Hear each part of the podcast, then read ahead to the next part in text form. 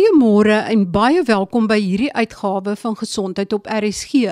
Vandag gesels ons oor osteoporose en my gas vandag is professor Magda Konradi. Sy is mede-professor in endokrinologie by die Universiteit van Stellenbosch Mediese Skool en by die Tygerberg Hospitaal. Professor Konradi, wat is osteoporose? Want baie mense verwar osteoporose met osteoartritis. Osteoporose is 'n sistemiese wat ons noem metabooliese beensiekte. En dit word gekenmerk deur 'n vermindering in die sterkte van jou beenstruktuur. En die kliniese komplikasie van osteoporose wat vir die pasiënt belangrik is, is 'n verhoogde risiko van frakture. En wanneer ek praat van osteoporose verwante frakture, is dit frakture wat 'n persoon opdoen met minimale trauma. Beensterkte belangrik word bepaal deur twee komponente. Die hoeveelheid been in 'n mens se skelet of die sogenaamde beenmassa of mense verwys ook daarna as beenmineraal digtheid, sowel as beenkwaliteit. En wanneer die been digtheid of die beenmassa verminder en daar's vermindering beenkwaliteit veroorsaak dit verminderde beensterkte en dit is eintlik waaroor osteoporose gaan. Is daar 'n spesifieke rede hoekom die bene minder dig word? Of is dit maar net iets wat met ouderdom gepaard gaan of is daar ander faktore wat ook bykom? Ek gaan jou vraag antwoord deur net vir jou so half te verduidelik wat gebeur met die beenmassa reg deur 'n mens se lewensduur. So nommer As kinders is daar 'n proses van wat ons sê beenmodulering, so been word nog gevorm. En tot en met die ouderdom van 20 tot 30 jaar is daar nog steeds 'n akkumulasie van beenmassa. So op daai ouderdom sê ons bereik 'n persoon in sy lewe 'n piek beenmassa. Dit wil sê die maksimale hoeveelheid been wat 'n persoon sal hê in sy lewe. En daai piek beenmassa word tot 'n mate bepaal deur sekere faktore in jou kinderjare, maar tot 'n groot mate word dit geneties vasgestel. So as jy baie goeie gene het, gaan jy inherente hoër piekbeenmassa bereik en daai piekbeenmassa mag wel deur byvoorbeeld swak uh, nutrisie, sekere eetstoornisse, lae estrogen vlakke in jong persone professionele atlete byvoorbeeld wat oormatig oefen, wat min eet en wat dan hulle menstruele siklus verloor. Daai faktore kan ook impakteer op jou piekbeenmassa. En wat met moet onthou, daai piekbeenmassa is dit wat jy het en waarmee jy moet werk vir die res van jou lewe. Nommer 1 is as mens kyk na mans en vrouens. Vrouens is daar soort van benadeel in die sin dat ons piekbeenmassa is 'n bietjie laer as wat mans normaalweg dan bereik. So ons het minder been beskikbaar om te verloor in ons lewe om eintlik 'n kritiese laagwaarde te bereik. En dan verwag 'n mens in 'n gesonde volwassene tussen die ouderdom van 20 en 50 om piekbeenmassa te handhaaf. As mens nou praat van normale fisiologie. Maar daar is definitief sekere wat ons verwys na as kliniese risikofaktore en 'n verskeidenheid van siektetoestande wat die prentjie kan verander. Ons kan miskien 'n bietjie later daaroor praat. En dan op min of meer ouderdom 50, mens kan sê tussen 45 en 55 gebeur menopouse in die vroulike pasiënt. En wat dit beteken is die ovaria hou op funksioneer, estrogen vlakke verlaag soort van redelik akuut in die sirkulasie en dis 'n baie belangrike beenbeskermer. So ten tye van die menopouse vir die paar jare rondom die menopouse verwag ons 'n periode van versnelde beenverlies in vroue.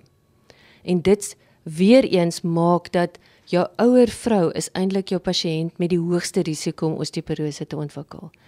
Maar wat ons nie uit die oog uit moet verloor nie is dat na die ouderdom van 50, so met veroudering, is daar 'n geleidelike verlaging in beenmassa in beide mans sowel as in vrouens. So jou pasiënt met die hoogste risiko in die afwesigheid selfs van enige ander bydraende faktor om osteoporose te ontwikkel of 'n kritiese lae beenmassa is jou ouer, veral jou bejaarde, postmenopausale vrou, maar ook jou bejaarde mans. In ons veld klassifiseer ons die bydraende faktore soort van in twee hoofgroepe. Dit is so bietjie kunsmatig want daar is oorvleeling, Maar ons praat van wat ons sê kliniese risikofaktore aan die een kant en dan aan die ander kant praat ons van sekondêre oorsake. En kliniese risikofaktore verwys eintlik na faktore wat bydra tot 'n toename in beenverlies of 'n vermindering in beenkwaliteit wat nie 'n spesifieke siekte of 'n spesifieke farmakologiese preparaat is nie. En die groep verdeel ons nou weer verder in wat ons noem modifiseerbare en non-modifiseerbare kliniese risikofaktore en dit is belangrik dat enige individu bewus is van hierdie soort van faktore wat hom of haar risiko vir osteoporose beïnvloed. En die non-modifiseerbare risikofaktore is veral genetika. Soos ek reeds gesê het, dit bepaal tot 'n groot mate waar jy begin in terme van jou beenmassa op 'n vroeë stadium in jou lewe. En die manier hoe ons dit evalueer is om te gaan kyk het 'n persoon 'n familiegeskiedenis van osteoporose. En wat ons baie spesifiek daarna kyk is, is daar 'n geskiedenis van 'n heupfraktuur in 'n ma of in 'n pa. Dit is 'n baie belangrike soort van geskiedenis wat ons probeer in 'n pasiënt evalueer of seker maak dit is daar of dit is nie daar nie. En dan etnisiteit speel 'n rol. So ons weet dat sekere etniese groepe het 'n verhoogde risiko en in Suid-Afrika spesifiek is dit die blanke en die Indeer populasie. So die wit en Indeer populasie het 'n verhoogde risiko, maar dit sluit geen etniese groep uit om moontlik die siekte toestand te ontwikkel nie. Dan ouderdom soos ek reeds gesê het, inherent dra by tot beenverlies. En wat ek ook kan sê van ouderdom en hoekom dit so in die ouer pasiënte voorkom is ouderdom laat ook tyd toe vir nadelige faktore om hulle effek op die beenstruktuur uit te oefen. So in 'n jong persoon wat byvoorbeeld 'n lewenstyl het wat nadelig is vir beenstruktuur, gaan jy dit nie noodwendig optel nie. Maar dit is eintlik die begin van 'n proses wat gaan ontmasker word soos die pasiënt verouder. Dan 'n baie ander belangrike non-modifiseerbare risiko is as 'n pasiënt 'n geskiedenis het van 'n lae trauma fraktuur in volwasse lewe. Dit is 'n baie belangrike risikofaktor en veral as daai fraktuur wat ons noem in die krities belangrike areas plaasgevind het, naamlik in die heup area, proximale heup area of in die wervelkolom. Want ons weet dat in die eerste jaar na so 'n fraktuur het jy 'n betekenisvolle kritiese verhoogde risiko om weer te fraktuur. So dis belangrik dat ons daai tipe van inligting by ons pasiënte kry. En dan het ons modifiseerbare risikofaktore of kliniese risikofaktore en dit het baie te doen uh met die maniere ons ons um lewe lei.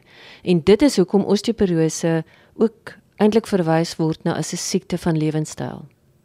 En die modifiseerbare risikofaktore, die belangrikste is eintlik nutrisie en dan beentoksine wat 'n mens met bedag op wees en dan is dit ook in vrouens enige situasie waar estrogenvlakke of die vroulike hormoonvlakke laag is.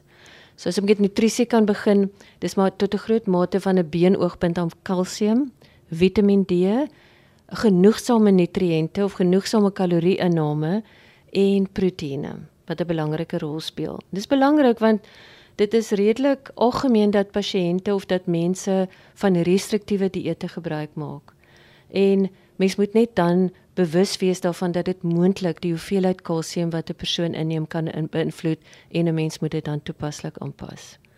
Van die toksine gepraat is dit maar die gewone sigaretrook en dan alkohol in oormaat. En as jy vir my wil vra wat is oormaat van 'n beenoogpunt af voel ons dat meer as 2 eenhede alkohol wat nou 'n glasie wyn of 'n glas bier ehm um, byvoorbeeld min of meer insluit as dit oorskry word op 'n daaglikse basis, kan dit nadelige effekte hê vir die beenstruktuur. En dan soos ek gesê die lae hormoonvlakke. En dit geld eintlik aan beide kante. So jong mans wat om een of ander rede lae testosteroonvlakke het, jong vrouens wat lae estrogenvlakke het. Dit kan ook bydra. En mense sou sê maar is dit nie 'n siekteproses nie? En waar dit byvoorbeeld nie so beskou word nie is Ons gebruik baie voorbehoeding om swangerskappe te voorkom heeltemal tot voordeel van die pasiënt, maar baie van hierdie uh, hormoonterapie wat ons gebruik, bevat nie estrogen nie. En dit kan tot lae estrogen vlakke bereik en dis veral die inspuitbare vorms van kontrasepsie wat 'n rol kan speel, veral as dit oor 'n lang tyd gebruik word. En dan is daar baie siektes wat ons as geneesere bewus van moet wees wat kan bydra tot verhoogde beenverlies en verminderde beenkwaliteit. As ek nou moet uitsonder, dan is dit baie maal inflammatoriese beensiektes of gewrigsiektes soos reumatoïde artritis, inflammatoriese darmkanaal siektes wat bydra. Dan is daar ook baie endokriene siektes wat natuurlik uh, ook kan bydra waar kalsium uit die skelet uit gemobiliseer word, ens.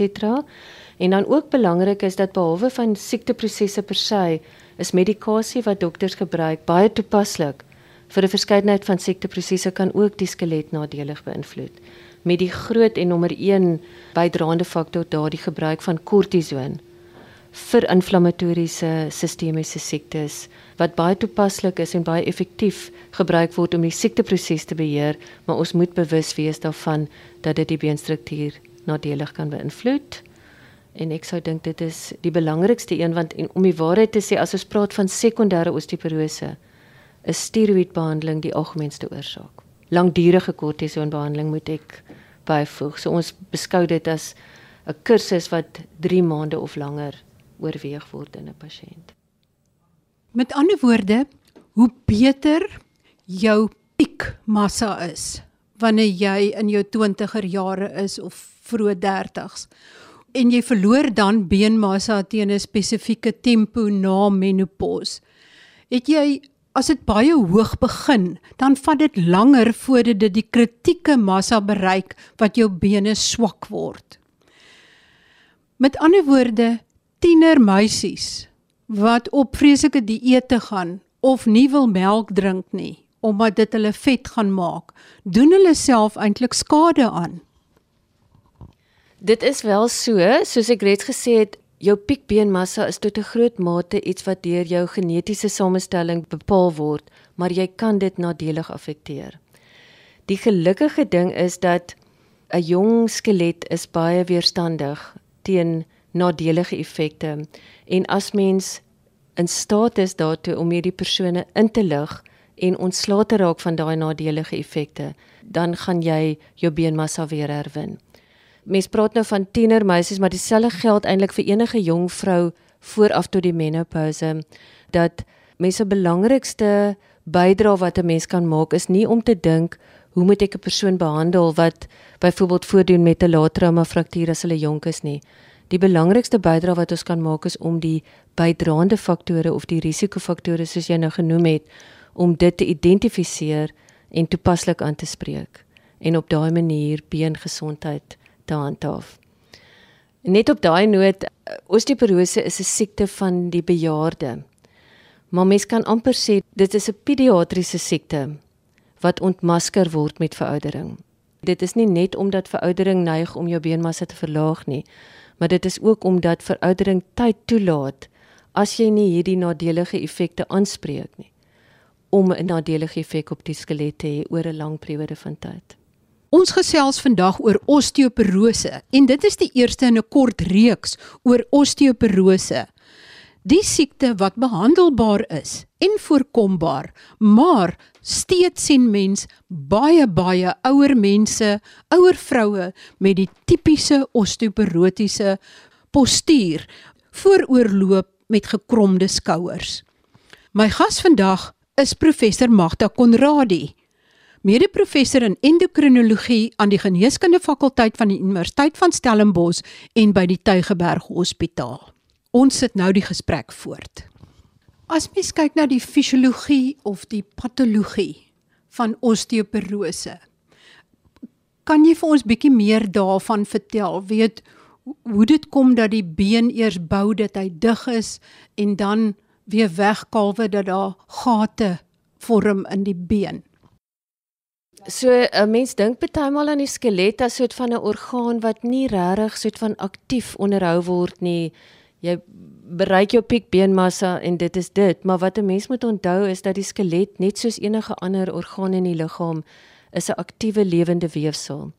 En hy word gedurig opgebou en afgebreek en albei daai prosesse is belangrik. So die afbraak verwys ons na as beenresorpsie en dit word beheer deur 'n groep selle in die been wat ons noem osteoklaste.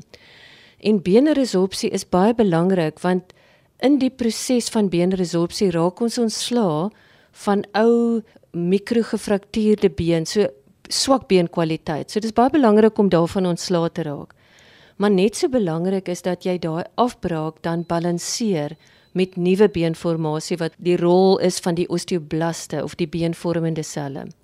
So in klein mikro eenhede in die beenstruktuur vind hierdie prosesse op 'n daaglikse basis of op 'n weeklikse basis plaas. So osteoklaste beweeg in, raak ontslaaf van die ou swak kwaliteit been en veroorsaak wat ons noem 'n beenkaviteit.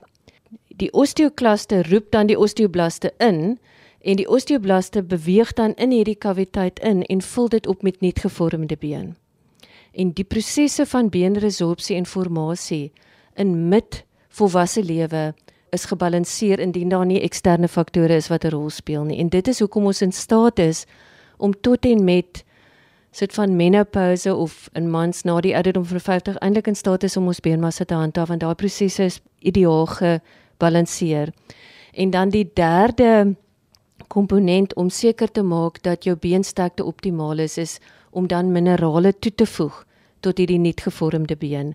En dit is waar die optimale kalsium en Vitamiin D nutrisie 'n belangrike rol speel.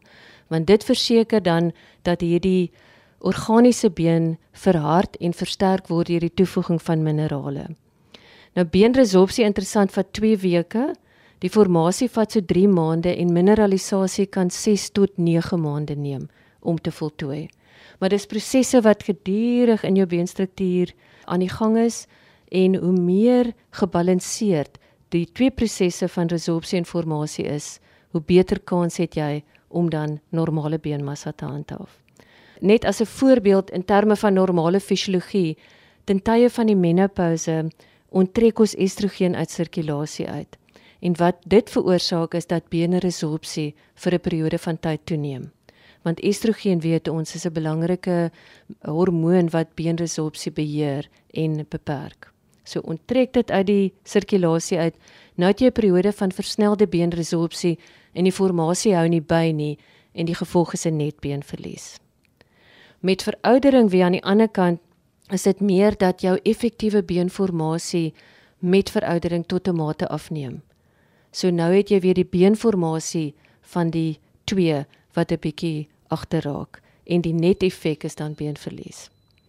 So as jy beenformasie en resorpsie perfek balanseer, handhaaf jy jou beenstruktuur, enige proses wat of beenresorpsie verhoog of formasie rem, kan 'n netto beenverlies veroorsaak. Dan kom ons by die behandeling. Jy praat van Vitamiin D en kalsium en ek neem aan dit is amper die beginstadium van behandeling het 'n ouer mens, sê maar bo 50 of na menopause, het mens Vitamiin D aanvullings nodig? En kan mens kalsium aanvullings op sy eie neem? Want was daar nie op 'n tyd ook sprake dat mens moet versigtig wees om kalsium aanvullings net so te neem he? of sit ek nou die pot heeltemal mis? Ek dink ons gaan begin met die Vitamiin D. So uh, dit is 'n redelike kontroversiële onderwerp en daar is studies wat wys dat Vitamiin D supplementasie in ouer agtergrondpopulasie wat nie noodwendig been probleme het nie, dat dit nie noodwendig 'n positiewe impak het nie. In terme net van veroudering en Vitamiin D vlakke wat wel waar is is dat soos 'n mens verouder is jou vermoë om die Vitamiin D wat in die vel gevorm word verder te aktiveer tot sy mees aktiewe produk tot 'n mate ingeperk is. Met veroudering is daar vermindering in jou effektiewe Vitamiin D wat beskikbaar is, maar dit beteken nie dit is noodwendiglik gebrekkig in alle ouer persone nie. Maar ons weet dat 'n sonligblootstelling is belangrik. So wanneer jy 'n ouer persoon het wat beperk sonligblootstelling kry, veral persone wat in aftreeoorde et cetera is wat hulle nie baie buite kom nie dit is definitief 'n pasiënt met 'n verhoogde risiko vir 'n Vitamiin D gebrek. Daar's ander scenario's, byvoorbeeld mense wat tot 'n groot mate 'n bedekkings dra en wanneer daar min uh, ultraviolet blootstelling is, wanneer mens moet gebruik maak van sonrome om die vel te beskerm. So daai is faktore wat jou risiko vir 'n laer Vitamiin D uh, verhoog. Maar daar's geen rede hoekom wanneer mens bekommerd is, mens nie 'n Vitamiin D vlak kan evalueer in jou pasiënt eenmalig nie en die besluit dan maak in 'n andersins gesonde persoon is dit enigstens nodig of is dit onnodig. Wanneer ek dit argumenteer van 'n pasiënt van my kant af wat by my voordoen met swak beengesondheid en osteoporose, is ons drempel vir die gebruik van kalsium en Vitamiin D laer. Maar weer eens gaan ek nie noodwendiglik Vitamiin D vir 'n pasiënt gee wanneer ek sy Vitamiin D vlak evalueer en dit soos hoog normaal nie. So dit is eintlik ideaal vir 'n pasiënt waar die vlakke in terme van beengesondheid vir my suboptimaal is en daai het ons soort van sekere spesifieke riglyne. Wat kalsiumsupplementasie aanbetref, jy is heeltemal korrek as mens oordrewe kalsium aanvullings aanbied vir ouer pasiënte wat vaskulêre siekte het, was daar bekommernis dat dit moontlik soort van 'n uh, verkalking van die are kan vererger. Dit is beskryf in redelike hoë doserings kalsiumsupplemente. So wanneer ek kalsiumsupplementasie of kalsium nutrisie met 'n pasiënt bespreek, begin ek by die dieet. En wat belangrik is in jou jonger pasiënt wat 'n gebalanseerde dieet volg en wat suiwelprodukte in sy dieet insluit, kan jy byvoorbeeld kalsium nutrisie verseker waar geen addisionele supplemente benodig word nie. Maar wanneer jy 'n pasiënt se dieet evalueer of 'n dieetkundige kry om vir jou te help om dit te analiseer en dis ver onder die aanbevole daaglikse inname, dan supplementeer ons met 'n kalsium supplement by die dietêre inname.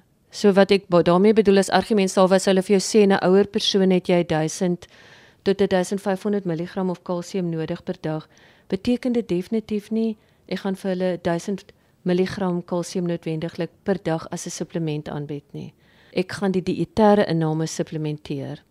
En as 'n reël in die meeste van my pasiënte gee ek nie meer as 600 mg kalsium as 'n addisionele supplement nie. En ek moedig eerder pasiënte aan om dietêre kalsium te verhoog. Maar kalsium en Vitamiin D nutrisie in die konteks van 'n pasiënt met swak beengesondheid en osteoporose is belangrik. Dan praat ons van osteoporose medikasie, bisfosfonate en ander. Wat is beskikbaar en kortliks hoe werk dit? En gee jy dit om die been resorpsie te verminder of om beenbou te versterk? Ons het 'n paar farmakologiese opsies beskikbaar om pasiënte te behandel wat bevestigde osteoporose het en dit is ook belangrik dat mens weet wanneer is hierdie middels aangedui en wanneer is dit nie aangedui nie. Maar net voordat ek met die farmakologie begin, wat 'n mens moet onthou is dat dit is deel van jou behandelingsstrategie. So ons het nou reeds gepraat oor die kalsium en die vitamiin D nutrisie, maar net so belangrik is om die bydraende faktore te identifiseer. So die risikofaktore wat miskien gekoppel is aan lewenstyl, die siekteprosesse wat bydra, daai aspekte moet ook optimaal hanteer word voordat ons die farmakologie met die pasiënt bespreek. So wanneer al daai aspekte dan aandag gekry het en ons voel dat die pasiënt se fraktuurrisiko regverdig farmakologiese behandeling, het ons beskikbaar middels wat oorwegend beenafbraak beperk en dit is eintlik die middels wat ons tot 'n groter mate vrylik beskikbaar het. En onder hulle tel die groep van bisfosfonate en daar is ook 'n nuwere middel bekend as denosumab beskikbaar in die antiresorberende staal. En hierdie middels stabiliseer beenstruktuur, verminder beenafbraak en met baie siekteprosesse en ook in sekere situasies is die beenafbraak die dominerende uh, bydra dan tot verminderde beenmassa. So dit speel 'n baie belangrike rol en ons weet dat bisfosfonate sowel as denosumab in staat daartoe is om beenmineraaldigtheid of beenmassa te vermeerder en om fraktuurrisiko te verminder. So as sulks dan baie effektiewe behandelingsmodaliteite.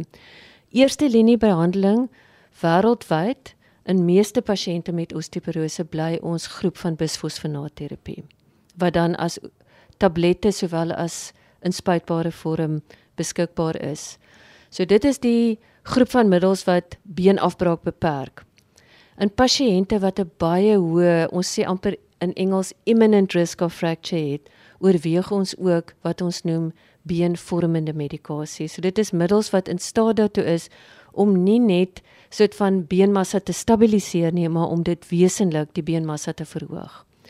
En daar het ons middels 'n hormoon wat ons weet tot 'n mate beenopbouende effek het, 'n PTH analoog het ons beskikbaar. En dan is daar ook 'n baie interessante nuwe groep middels wat nog nie plaaslik beskikbaar is nie, maar wel reeds deur die FDA goedgekeur is. En dit is interessant van 'n Suid-Afrikaanse perspektief omdat dit eintlik geskoei is op 'n mutasie wat mees algemeen voorkom in Suid-Afrikaanse Afrikaner subgroepe. En dit is 'n mutasie in 'n geen wat verantwoordelik is vir die produksie van 'n proteïen en daai proteïen onderdruk beenformasie. En hierdie siekte toestand is sklerostiose is waar jy die geenmutasie het en die proteïen is sklerostin. En sklerostin is 'n onderdrukker van beenformasie. Baie dankie aan my gas, professor Magda Konradi, verbonde aan endokrinologie by die Geneeskunde fakulteit van die Universiteit van Stellenbosch en die Tygerberg Hospitaal.